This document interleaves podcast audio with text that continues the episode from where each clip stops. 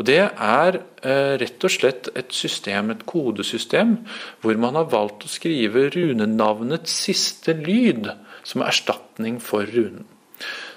Hver rune hadde et navn.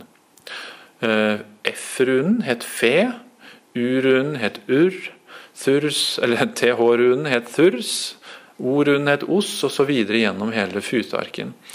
Eh, og da hører dere at F det hadde navnet fe, og da slutter jo rundnavnet på E. Så istedenfor å skrive F, så skrev man da E.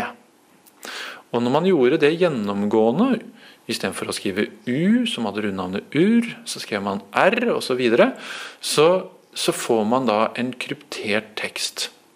Problemet med denne teksten er bare at flere av rundnavnene slutter på samme lyd.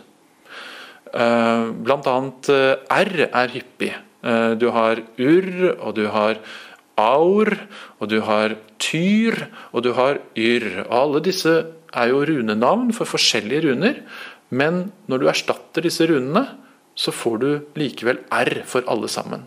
Da kan du jo ikke skille hvilke av disse runene, hvilke, om det er T-runen, altså tyr, eller om det er Y-runen yr, eller om det er urunden r man faktisk mener, uh, ur som man faktisk mener.